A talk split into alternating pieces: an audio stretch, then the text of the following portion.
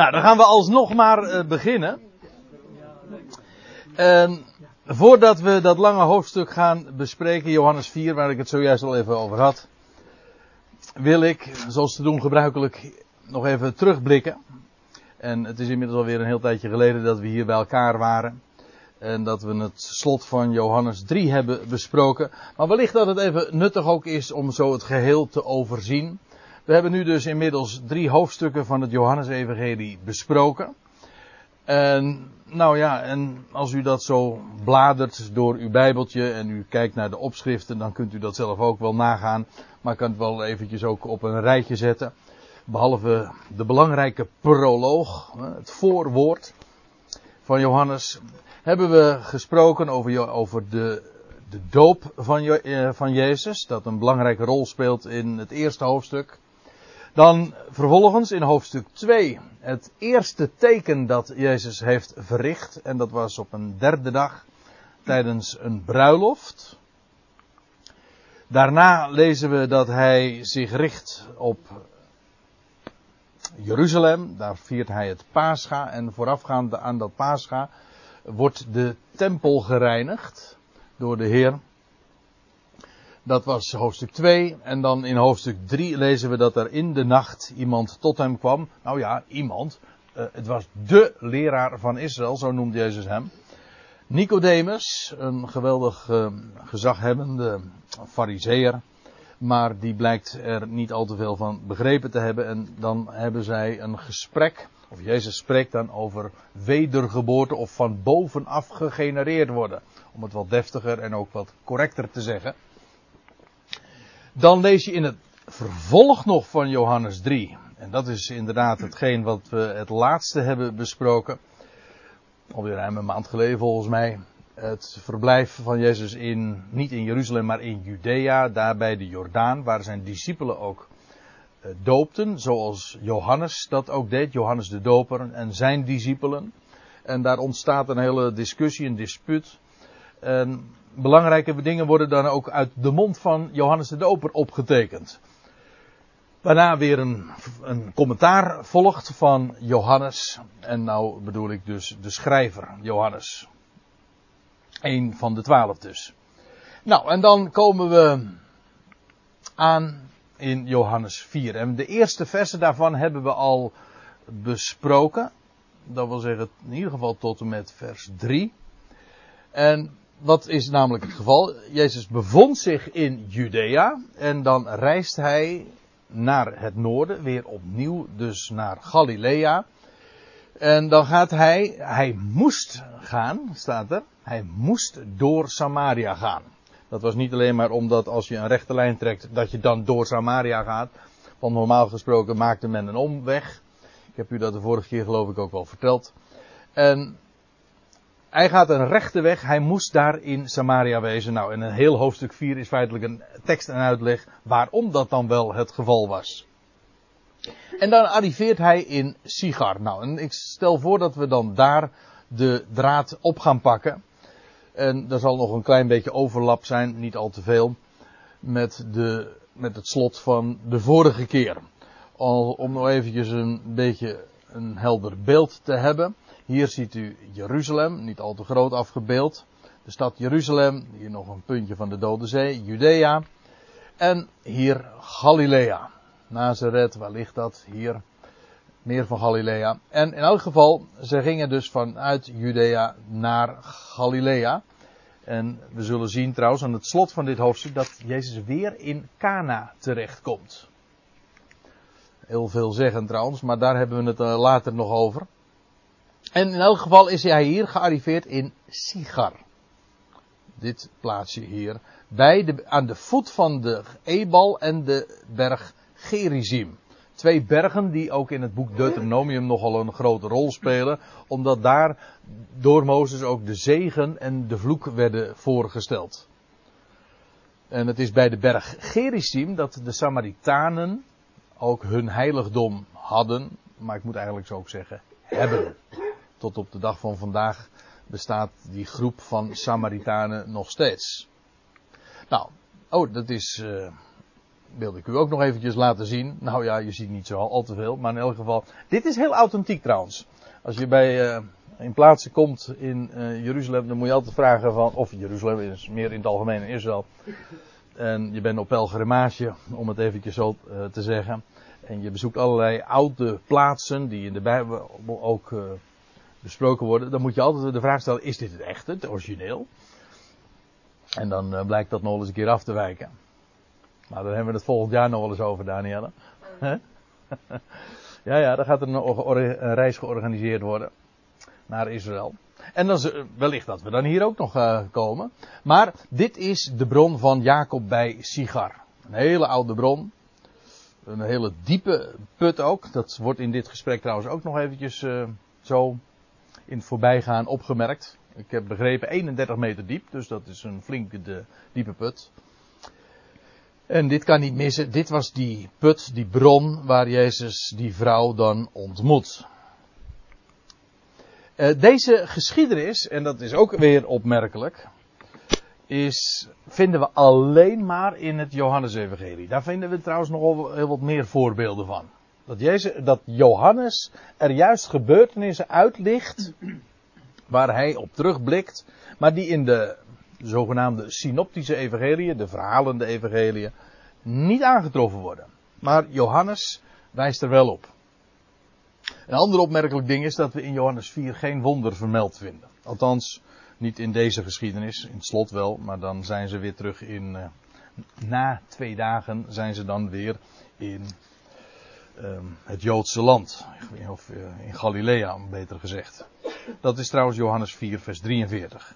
Dan lees je, en na die twee dagen vertrok hij vandaar naar Galilea.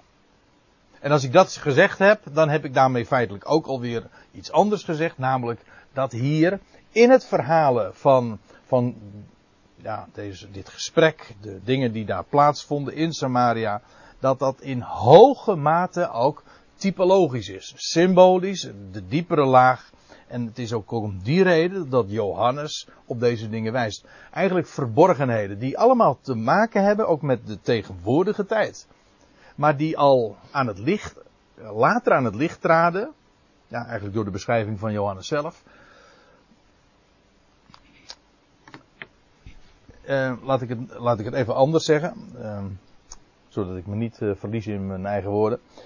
Dat de Heer Jezus allerlei dingen heeft meegemaakt, gedaan in zijn leven, waar die feitelijk spraken van dingen die te maken hebben met de tegenwoordige tussentijd. En Johannes heeft daarvan gehoord, wellicht door uh, de apostel Paulus, en hij heeft terugdenkend aan het leven van Jezus, die dingen ook verhaald en ja, hij wijst daar ook op. En Johannes 4 is daar een schitterend voorbeeld van. Maar misschien dat ik nu ook een beetje te cryptisch spreek. We komen daar uitgebreid eh, nog op terug. Eerst even dit, vers 5. Hij kwam dan in een stad eh, van Samaria. En Samaria, dat is de plaats, of de streek. Want het is een heel gebied, zoals u net zag. Hè? Dit, gebied van Samaria. Uh, dit is het gebied waar er is een heel hoofdstuk in de Bijbel dat daarover spreekt, 2 Koningen 7, wie die Samaritanen waren. Dat waren mensen die ja, voor een deel uh, afkomstig waren uit het huis van Israël, speciaal uh, de tien stammen. En die waren door de koning van Assur waren weer teruggestuurd naar het, naar het land. En daar hebben ze hun eigen eredienst ook weer uh, hun eigen eredienst opgebouwd. En, en daar aan de berg Gerizim een heiligdom ook gebouwd. Het waren dus eigenlijk hybride. En daarmee bedoel ik dus, het, is, uh, het was een mix van echt Israëlitische mensen en ook uh, mensen die uit de natie kwamen. Dus heidens net zo goed. Ze waren vervreemd van het burgerschap Israëls. En als ik het zo zeg, dan doel ik op woorden die Paulus ook gebruikt in Efeze 2. Je zei dat, uh, die Samaria uh, geen wonderen deed. Is dat, uh, is dat in zijn geheel genomen zo? Nou, Jezus is eigenlijk voor de rest helemaal niet in Samaria geweest. Tenminste, dat wordt niet verhaald. Is niet helemaal waar, wat ik nu zeg. Maar je leest alleen maar dat hij doorreisde. En hier is hij dus twee dagen gebleven. En dat was eigenlijk bij hoge uitzondering, want Jezus was gezonden tot het huis Israëls. Maar hier dus wordt verhaald dat hij twee dagen daar gebleven heeft. En ik zou niet weten inderdaad dat hij daar wonderen heeft gedaan. Maar als ik, toen ik dat zei, doelde ik gewoon op Johannes 4. De heeft een gesprek. Dat, dat, heeft nogal wat effect, ook in de hele stad. Want uh, iedereen komt dat dan aan de weet wat, wat Jezus dan heeft gezegd. Maar wonderen worden daar niet verricht. Geen, geen wondertekenen. Ook dat lijkt mij nogal veelzeggend, omdat het ook spreekt. Laat ik het dan meteen, maar gewoon uh, zeggen zoals ik het bedoel. Spreekt van deze tegenwoordige tijd, deze twee millennia waarin God opereert, maar waarbij het woord komt tot de natieën, maar, en een geweldig rijk woord, maar waarbij geen uh, wondertekenen, geen grootse dingen plaatsvinden in die zin dat het zichtbaar voor het oog is. Het is alles verborgen. Maar zijn woord klinkt duidelijk en helder. Dat is wat in deze twee van deze twee dagen gezegd kan worden. Ik had het eigenlijk de bespreking daarvan nog later gereserveerd, maar goed, dat heb ik bij deze dan ook uh, gezegd. En misschien is er dan, dan toch ook nog een andere gelegenheid die ik nu even aan kan grijpen. Want als ik het heb zo over Samaria, kijk. Je had het, het rijk van de twee stammen en van de tien stammen, dat, dat kent u. Ja, sommigen uh, is dit gesneden koek, andere mensen die weten, die zeggen van ja, ik heb het wel eens misschien gehoord, maar ik weet niet precies hoe dat zat. Nou, na na koning Salomo splitste het, het rijk van Israël, de twaalf stammen, in tweeën. En uh, Jeruzalem, de twee stammen, uh, die. De, de, het koningshuis van David, dat kreeg alleen maar de twee stammen. En de tien stammen, dat is eigenlijk het gebied van Samaria. Daar had in ieder geval in Samaria bevond zich ook het centrum, de hoofdstad. En van de tien stammen. Dat is eigenlijk waar Samaria ook voor staat. Samaria heeft dus inderdaad te maken met, met het tienstammenrijk van Israël. Daar doet het direct ook aan denken. Die tien stammen, die zijn na in ballingschap terechtgekomen. En voor het grootste gedeelte zijn ze ook nooit meer teruggekeerd. Ze zijn verdwenen onder de natieën, opgegaan onder de na ja, Eigenlijk moet ik zeggen, ze zijn ondergegaan onder de natie. Ze zijn hun identiteit helemaal kwijtgeraakt. Dat is waar Samaria van origine aan herinnert. En toen die Samaritanen zich daar weer gingen vestigen, ja, toen waren dat eigenlijk ook allemaal vervreemden van Israël. Ze stonden ook trouwens ook helemaal niet op goede voet met, met Juda, met de Joden. Ook dat is veelzeggend. En wat je ziet, ook in het Nieuwe Testament, is dat als het heil gaat naar de natieën, dat wil zeggen Israël wijst het evangelie af, je ziet dat in het boek Handelingen zich aftekenen. De Joodse natie wijst het evangelie af. Jeruzalem, het Sanhedrin, officieel hebben ze de Messias verworpen. Eerst gekruisigd, later ook de opgestane Messias verwerpen ze. Nou, dat is de geschiedenis van het boek Handelingen. Wat gebeurt er dan? Dan gaat het heil, de boodschap, middels Paulus in de eerste plaats, naar de natieën. Maar als het gaat naar de natieën, dan gaat het daarmee feitelijk ook naar het vervreemde Israël.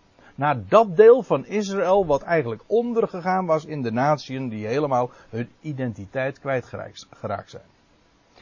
Het zijn in, in het boek Handelingen, worden ze ook genoemd de Grieksen. Dat wil zeggen degene die, niet de Grieken, maar de Grieksen. Gehe, gehelleniseerde Joden. Ze waren eigenlijk.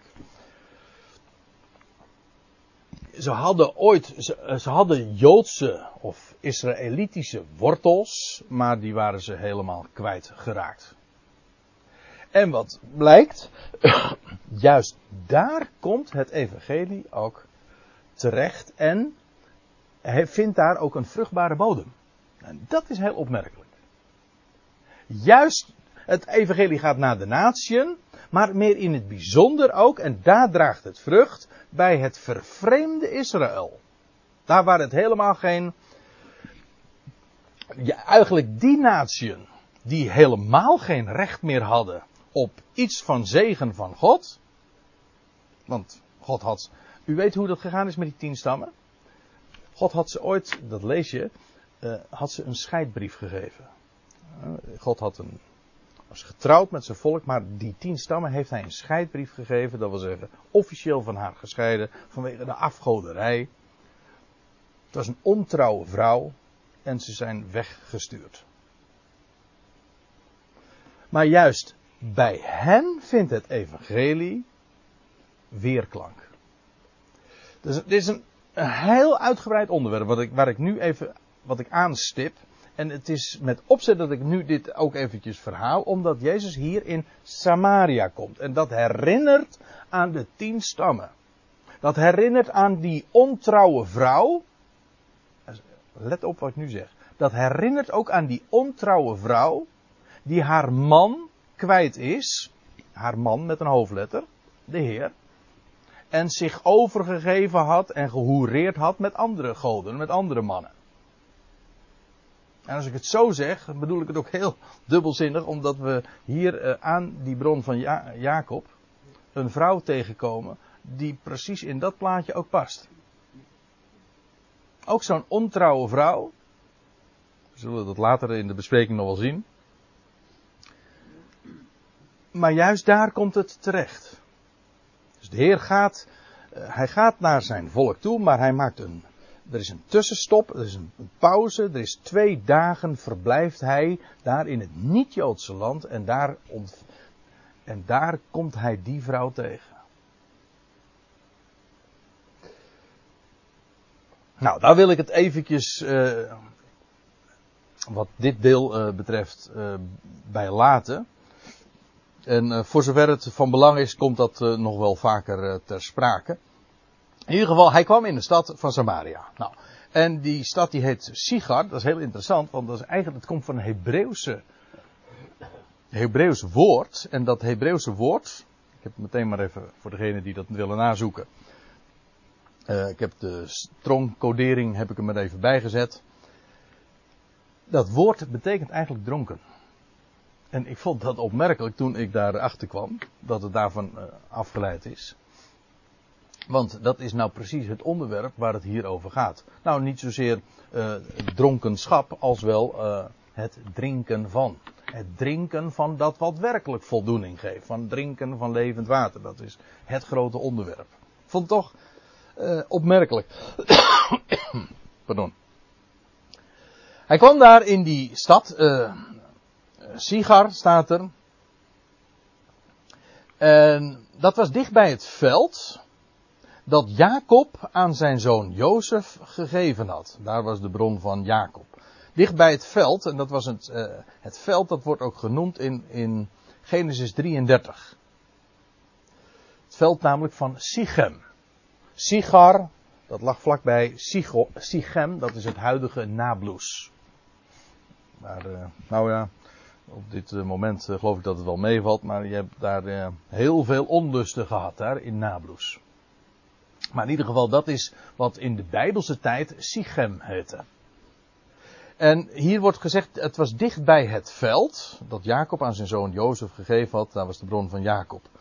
Dat veld wordt genoemd in Genesis 33.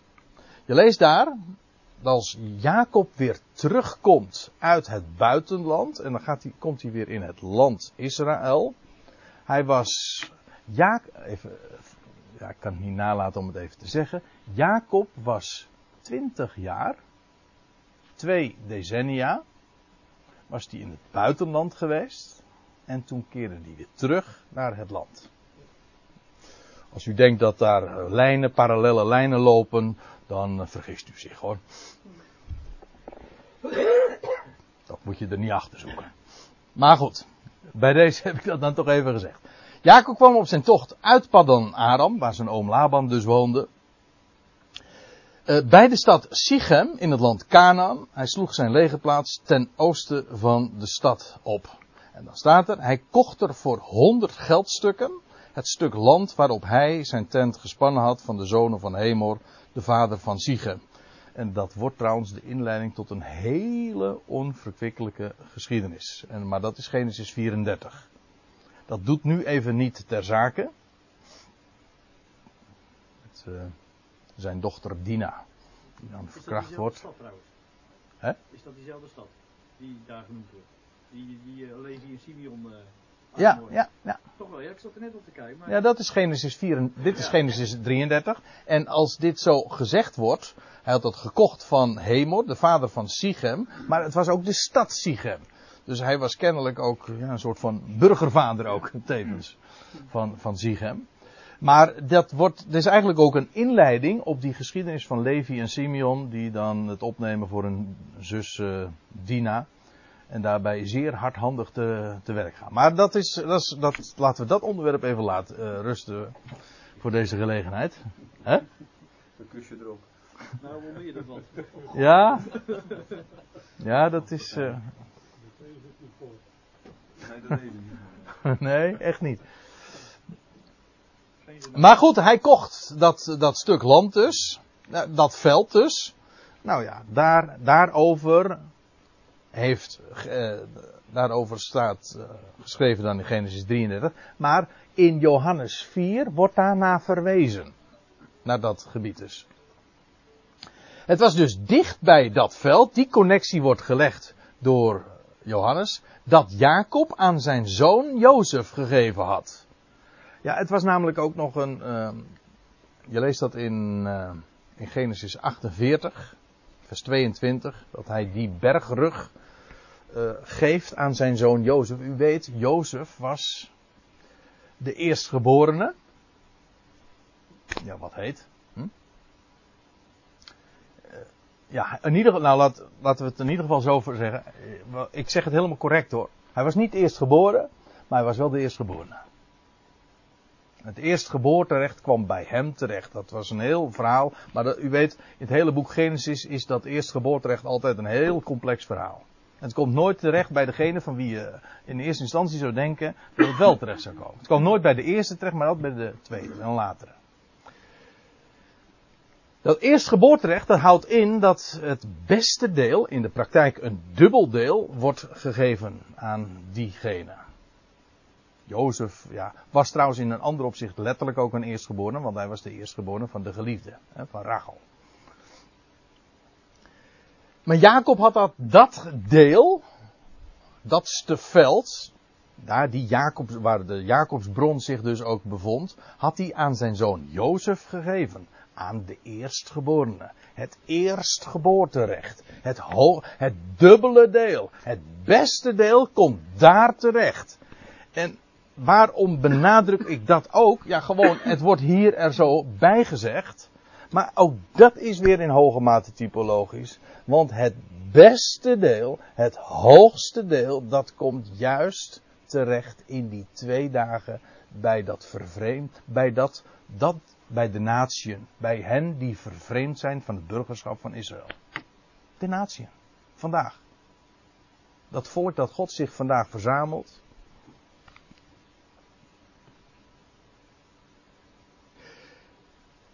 Jacob had dat gegeven aan zijn zoon Jozef. Die sowieso al bestemd was tot het eerstgeboorterecht. Hij had niet voor niks een, dat veelkleurige, de veelkleurige rok gekregen. Maar in ieder geval, over hem hebben we het en over dat veld, dat gebied. En daar was de bron van Jacob. Ik heb de vorige keer daarover, daar al een paar dingen over gezegd. De bron van Jacob, gek genoeg, we vinden daar op zich geen melding van in het, nieuw, in het Oude Testament. Er wordt wel gesproken over een hele mooie geschiedenis. Ik heb daar nog even naar verwezen. Doe ik nu dus verder niet meer. Maar over Jacob die bij een bron was. Maar dat was toen in Paddan Aram, weet u wel. Toen hij Rachel tegenkwam en daar een steen wegwentelde. Voor de bron. Maar hier was dus sprake van een bron van Jacob. En ja, u voelt hem eigenlijk al aankomen. Zoals elke zinsdeel hier typologisch geladen is, is dat ook hier weer het geval. Die bron van Jacob dat verwijst. Ja, uh, het is de bron van Jacob. Dat wil zeggen, uh, die waterbron die aan Jacob was gegeven. En waar denken we dan aan?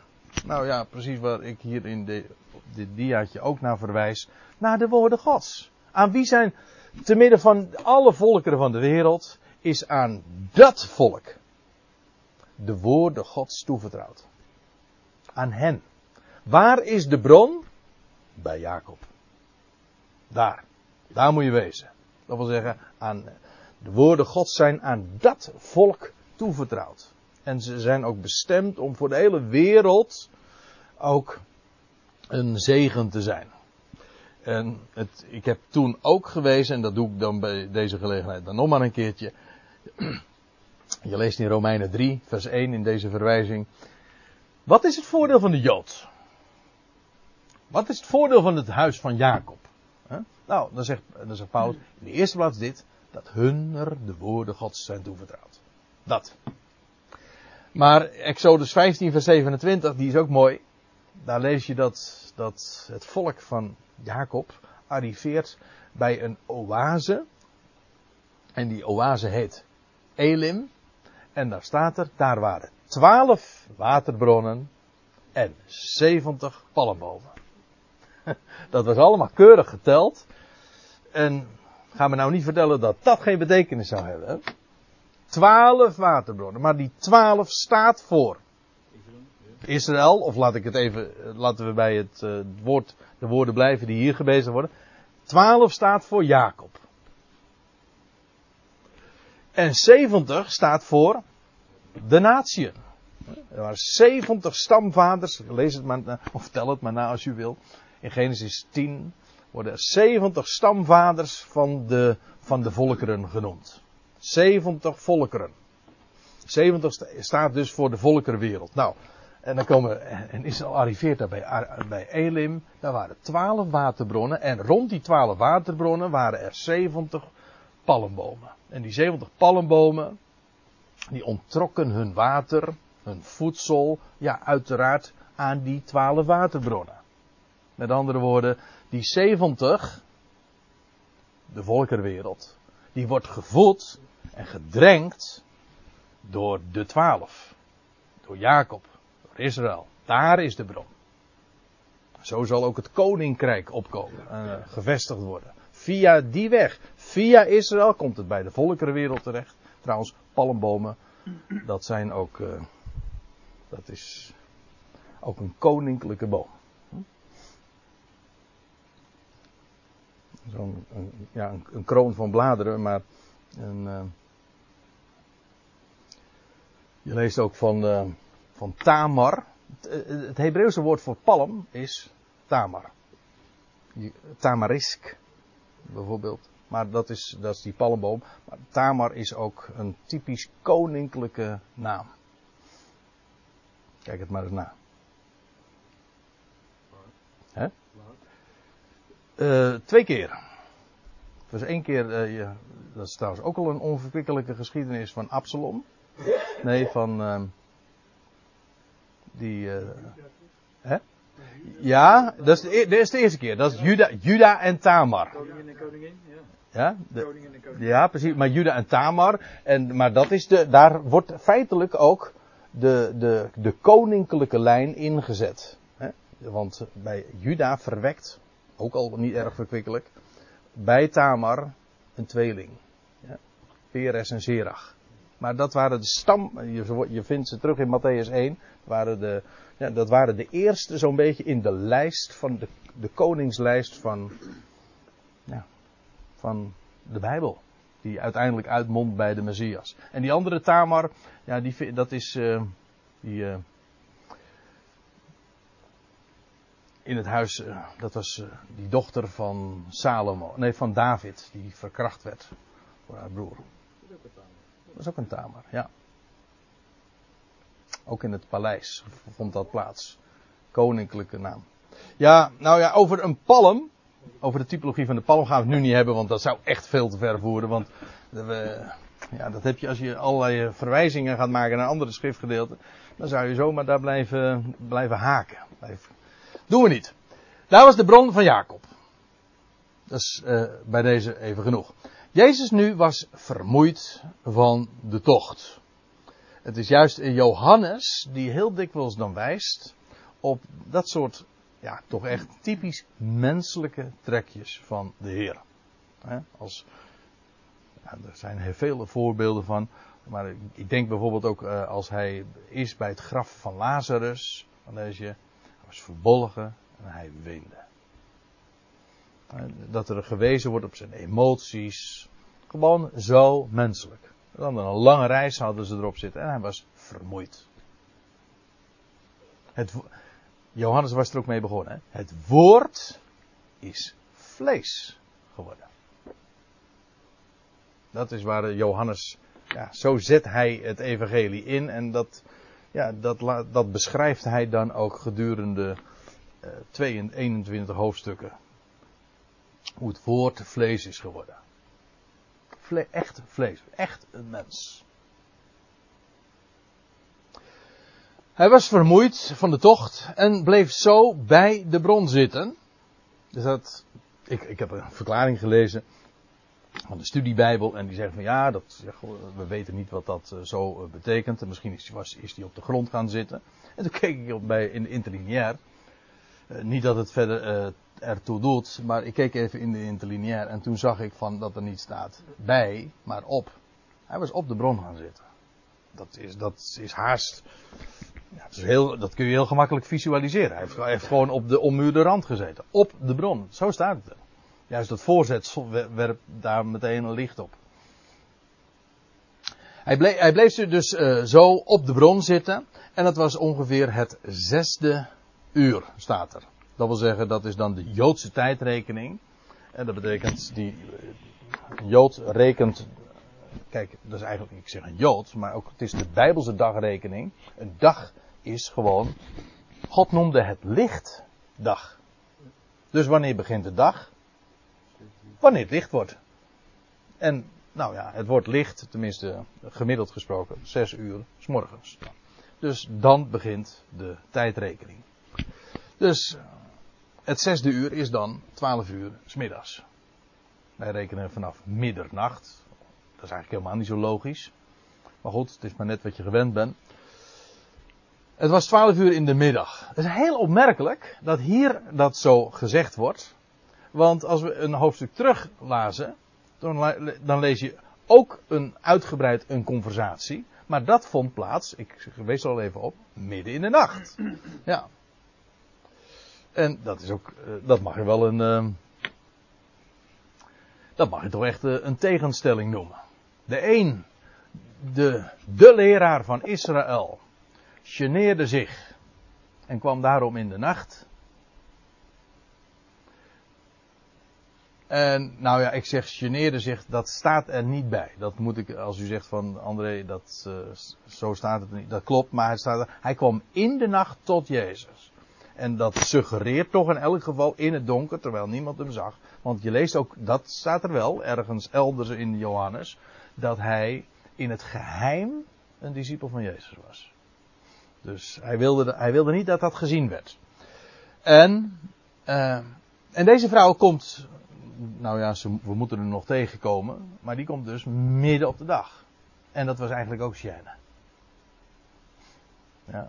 Nou, daar komen we nog wel op. Maar in ieder geval, het was, het, het was midden op de dag. En er kwam een vrouw uit Samaria, om vanuit het Samaria, uit het land, uh, ze kwam om water te putten. Dat is een, uh, echt een vrouwelijke bezigheid. Dat weten we. Uit meerdere plaatsen.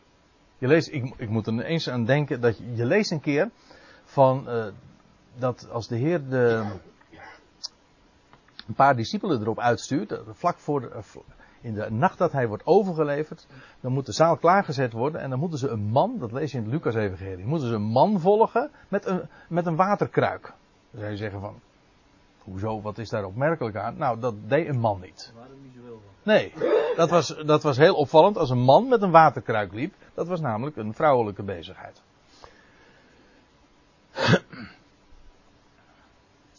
Uh, in Genesis 24 lees je, dat is een, uh, de geschiedenis van Isaac. Nou, nee, dat zeg ik niet waar. Er werd, ge, er werd gezorgd voor een vrouw. Voor Isaac. Het ging allemaal heel luxe. Hij hoefde dat zelf niet te doen. Hij kreeg zomaar een vrouw gearrangeerd. En dat uh, trof hij bijzonder. Maar uh, dan wordt de knecht van, A, van Abraham erop uitgestuurd. Ook alweer naar dat verre Mesopotamië, waar, waar, waar later Jacob dus ook was.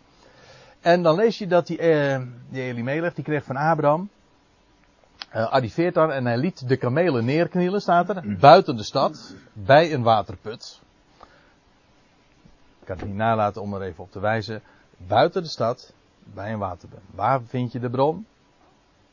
Nou, dan moet je buiten de, de stad wezen, buiten de legerplaats. Het was trouwens ook tegen de avond, de tijd dat de vrouwen uitgaan om te putten. Nou, hier zie je dat expliciet zo uh, er nog uh, bij vermeld. Er staat trouwens ook nog bij dat, dat het de avond was dat dat gebruikelijk was om te doen. Of eventueel ook, lees je elders geloof ik ook in de ochtend. Maar in ieder geval niet midden op de dag. Zoals hier dus. Dit was midden op de dag. 12 uur s middags. Maar de gebruikelijke tijd was om water te putten tegen de avond. En dat was de tijd dat vrouwen uitgaan om te putten. Het feit dat deze vrouw dus een, een paar kilometer, want dat moet een paar kilometer geweest zijn als je terugkijkt op de kaart, een wandeling gemaakt heeft en, om wa en water gaat putten op dat tijdstip van de dag, dat heeft er toch alles van weg dat zij uh, inderdaad probeert te ontlopen. Die andere, om de, de andere vrouwen niet uit de weg te gaan, niet tegen te komen. Ze liep wel in het licht, dat is waar, ja. Ja. Dat was siesta tijd. Ja, het was siesta tijd, ja. En Jezus zat daar bij, die bron, uh, bij die bron. En die zei dan, uh, die zei tegen haar, en dat was op zich natuurlijk al opmerkelijk. Hè? Zo we, zullen dat straks ook zien. Het feit dat een man tegen een vrouw zo spreekt, dat was in die dagen absoluut niet gebruikelijk. En bovendien dat een Jood tegen een Samaritaanse spreekt. Maar goed, dat hoef ik nu verder niet zo uh, te benadrukken, want het komt nog wel te sprake. Hij zegt tegen haar, geef mij te drinken. Hij vraagt haar, hij vraagt haar dus een, een dienst. En dan wordt er nog bijgezegd waarom dat zo is. Want zijn discipelen waren naar de stad gegaan om voedsel te kopen. Dat want, dat geeft dus aan uh, waarom het hij, hij het aan haar vroeg. Namelijk, ja, de anderen, uh, die waren er niet. Er, er waren kennelijk meerdere nodig. Of uh, in ieder geval, ik neem aan dat je, je hebt toch in ieder geval een kruik of andere dingen nodig om, om te water te kunnen putten. Dus hij vraagt het aan haar, of hij eigenlijk zegt hij tegen haar, geef mij te drinken. Want zijn discipelen waren naar de stad gegaan om voedsel te kopen. Ja, ik vond daar ook, ik, zie daar ook een tegenstelling in, of in ieder geval een, je bespeurt het contrast. Aan de ene kant, hij is achtergebleven. Zij gaan naar de stad om voedsel te kopen, maar hij blijft achter. En wat gaat hij doen? Hij gaat om niet levend water geven. Ja, in dit geval, hij vraagt nog water, maar dat is de aanzet om daarvan te spreken. Maar in ieder geval, zijn discipelen waren naar de stad om voedsel te kopen. En de Samaritaanse vrouw dan zei tot hem: Hoe kunt gij, als Jood, dat heeft ze wellicht meteen opgemerkt, aan de spraak neem ik aan, kledij, wie weet. Hoe kunt gij als Jood van mij, een Samaritaanse vrouw, waarbij je zowel de nadruk kan leggen op het Samaritaanse als op vrouw, te drinken vragen? Nou, om drinken te verzoeken, ja. Dat was hoogst ongebruikelijk. Vandaar ook dat dat haar eerste reactie is. Ze doet niet, in, ze doet niet uh, in de eerste plaats dat wat er gevraagd wordt, maar ze spreekt eerst haar verbazing over uit dat, uh, dat een Jood, een Joodse man, tegen een, aan een Samaritaanse vrouw een verzoek doet. En dan wordt er nog door Johannes uitgelegd. En daarin zie je trouwens ook dat het Johannes-evangelie een veel breder bereik heeft ook voor een niet-Joods publiek is geschreven. Of in ieder geval, ja. uh, ook voor hen uh, begrijpelijk moest wezen. Want er staat bij, Joden gaan niet om met Samaritanen. Nou, zo'n toelichtende opmerking is alleen maar zinvol als je je bewust bent van dat je publiek uh, veel breder is. Hè? Dat hebben we al vaker opgemerkt. Dat zulke dingen gewoon even uitgelegd worden door de schrijver. Want Joden gaan niet om met Samaritanen. Dat is een grote controverse tussen die beiden. Het was trouwens ook nog eens politiek van aard, maar vooral religieus. Het is eigenlijk dezelfde, in die zin dezelfde controverse die al, er al was tussen ooit de twee stammen en de tien stammen. Joden gaan niet om met Samaritanen. En dan vers 10. En Jezus antwoordde. En hij zei tot haar. Indien jij wist indien je wist, indien je had waargenomen. Eigenlijk dat, dat woord weten, dat heeft de, de gedachte in zich van uh, weten op grond van waarneming. Dat is het. Indien je had waargenomen en daardoor wist van de gave Gods. Prachtig woord. Het geschenk, eigenlijk staat er het geschenk van de God.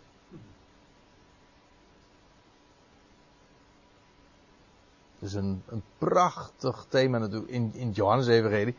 Nou ja, ik verwijs hier naar Johannes 3 vers 16. Die hoef ik nauwelijks, ik hoef nauwelijks te zeggen wat daar staat. Daar wordt gesproken over dat wat God gegeven heeft. Al zo lief heeft God de wereld gehad dat hij zijn enige geboren zoon gegeven heeft. Dat is de gave Gods.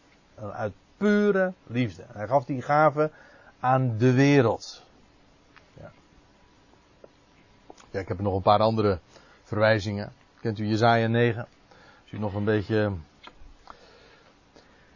in de sfeer van december bent, waarin die passages, eh, die passage nog eens gelezen wordt, dan weet u wat er staat. Een kind is ons geboren en een zoon is ons gegeven. En de heerschappij rust op zijn schouders. Ja. Romeinen 8, hoe zal hij die zijn enige zoon niet gespaard heeft, maar hem voor ons allen heeft overgegeven. Voor ons allen. Nou, dat is die, dat geschenk van de God. Dat is de, het geschenk van God is dus maar niet alleen maar iets, zijn woord, maar dat woord is iemand. Nou, eigenlijk is dat toch het uh, grote thema van het Johannes-evangelie. Het woord is dat wat hij sprak, waardoor alle dingen geworden zijn. Hij sprak en het was er. Alle dingen zijn door het woord geworden. En dat woord is vlees geworden.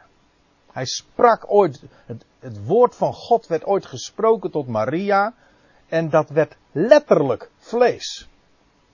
Dus de geboorte van Jezus was eigenlijk niks anders dan het, mag ik het zo zeggen, de materialisatie van het woord. Het woord werd vlees. Dus degene die hier nu sprak, dat was het vlees geworden woord, waardoor ooit de hele wereld, de hele schepping, alle dingen tot aanzijn waren geroepen. Zo is het. Het woord dat vlees werd. Nou, dat woord heeft God gegeven. En dat is zijn woord, ja, dat wat hij spreekt, maar het is iemand. Zijn enige geboren zoon. Indien je wist, indien je had geweten, had waargenomen, het geschenk van de God en wie het is die tot u zegt, geef mij te drinken, je zou hem, je zou hem verzocht hebben, gevraagd hebben, en hij zou u levend water hebben gegeven. Zie je? De, als, zij, als zij zich daarvan bewust was geweest, van, van dat geschenk van de God, dan zou de vraag van haar aan hem gericht zijn van geef mij levend water. als hier staat levend water, ja dat is een heel bekend beeld hè, in, de, in de Bijbel. Johannes Evangelie komen we het later ook nog tegen. Maar wat, uh, wat dacht u van het Oude Testament? Waar we zo, al zo vaak levend water aantreffen. Kijk, in de eerste plaats, levend water, we hadden het juist van- vanavond aan tafel, nog eventjes daarover. Eh, levend water, dat betekent, eh, ja, de term zelf wil zeggen, het is water dat beweegt. Stromend water, dat is levend water. Dat is, de, dat is de primaire betekenis van het woord. Ook in, eh, in de Bijbel trouwens komen we dat straks nog wel tegen. Maar het verwijst, kan niet missen naar het woord Gods. Ik neem u weer even mee naar Genesis. Daar lees je ook over levend water. Daar lees je weer ook over Isaac, ook over waterputten. Oh, dat is zo'n mooie geschiedenis. Echt, dat is wel geweldig. Ja. De geschiedenis van, eh, van Rehoboth, kent u die? In de ruimte gesteld. Nou, dan lees je, en Isaac, die groef de waterputten die men gegraven had in de dagen van zijn vader Abraham. En, ja, ik kan het niet helpen. Eh, de Bijbel heeft me op het spoor gezet en dus lees ik gewoon alles. eh, dat heeft een dubbele bodem. Als ik het heb over de, de bronnen van Abraham. Waar hebben we het dan over? Waar Abraham zijn, leven, zijn voedsel, eigen, ja, zijn leven aan ont, eh, ontleende. Nou, dat is waar die waterbronnen van spreken. Uiteraard eh, heb ik het dan over Gods woord. Waar leefde Abraham van? Ja, van de woorden Gods. Die hem gegeven waren. De belofte van God. Nou, wat was er gebeurd met die bronnen, met de waterputten? En, en ik- u ziet beeld en, en letterlijke bronnen. En, of letterlijke bronnen en, en bronnen in type. Dat wordt eigenlijk, dat wordt zo door elkaar gebruikt. Dat is in Johannes 4 ook. Die Samaritaanse vrouw, die begreep er even niks meer van. Ja, waarover heb je het eigenlijk?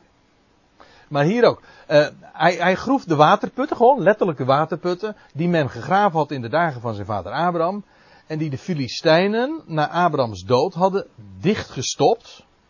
Dus die bronnen waren naar, Ja. Die waren naar de Filistijnen. En ze waren dichtgestopt. Dat is precies wat, eh, wat, wat, wat, eh, wat Filistijnen doen. Als het, als het, dan- ja, dan wat, wat doet men? De bronnen vers- verstoppen met recht. De kerk ook, hè? Doet de kerk ook.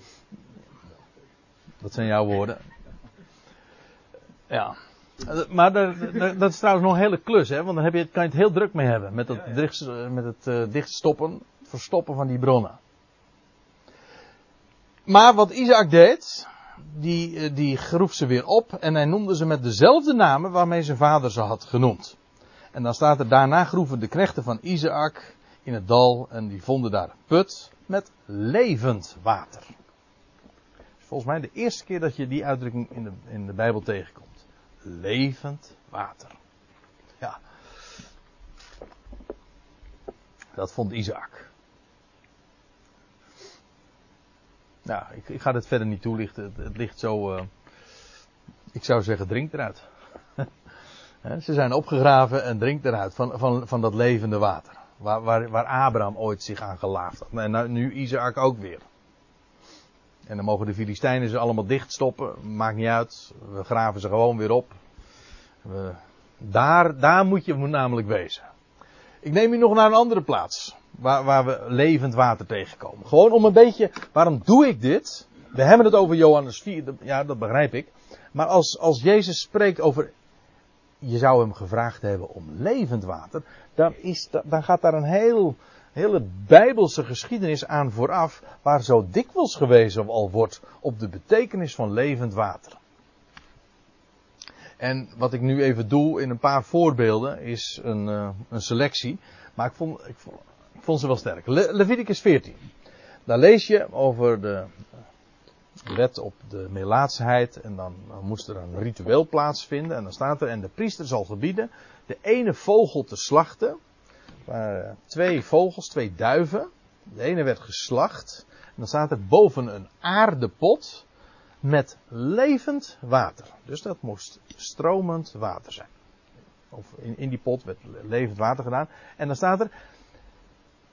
De levende vogel echter zal hij nemen, benevens het zederhout, het scharlaak en de hyssop. Ik ga daar helemaal aan voorbij. Het gaat me even om dit. En, en hij zal, die priester, zal die met de levende vogel dopen in het bloed van de vogel die boven het levende water geslacht is. En vervolgens moest die vogel weer wegvliegen. Of mocht wegvliegen, zo de hemel in.